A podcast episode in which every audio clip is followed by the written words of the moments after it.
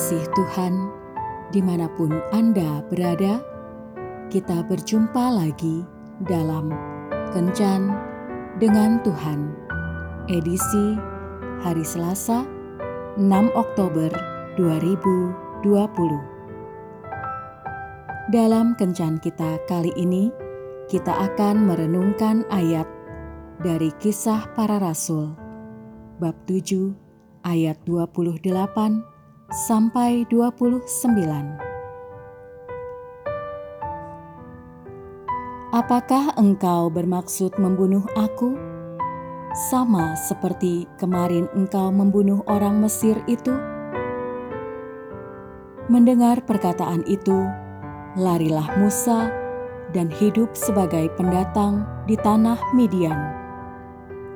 Di situ ia memperanakkan dua orang anak laki-laki.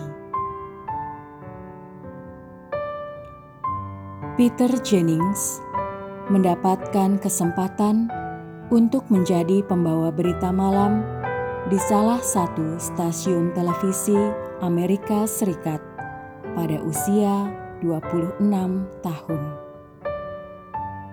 Ia berdampingan langsung dengan Walter Cronkite pembawa berita yang paling dipercaya saat itu. Namun tahun 1968, setelah tiga tahun bekerja, ia mundur dari pekerjaannya. Peter kemudian menjadi koresponden luar negeri. Selama satu dekade, ia menjalani tugas yang membawanya ke berita-berita hangat di seluruh dunia. Ia dikirim ke Vietnam, lalu ke Timur Tengah. Kemudian ia berada di Olimpiade Munich. Tahun 1978, setelah mundur selama 10 tahun, akhirnya Peter kembali ke meja pembaca berita. Kali ini, ia muncul sebagai reporter yang telah berpengalaman. Ia menjadi reporter yang sangat sukses. Saat Peter meninggal tahun 2005, ia adalah salah seorang dari reporter televisi yang paling disegani dan paling banyak ditonton di Amerika Serikat. Ada kemiripan kisah Peter Jennings dengan kisah Musa, pemimpin bangsa Israel. Mereka sama-sama memiliki masa jeda dalam hidup mereka. Bedanya, Peter mengalaminya karena keinginannya sendiri, sedangkan Musa karena terpaksa.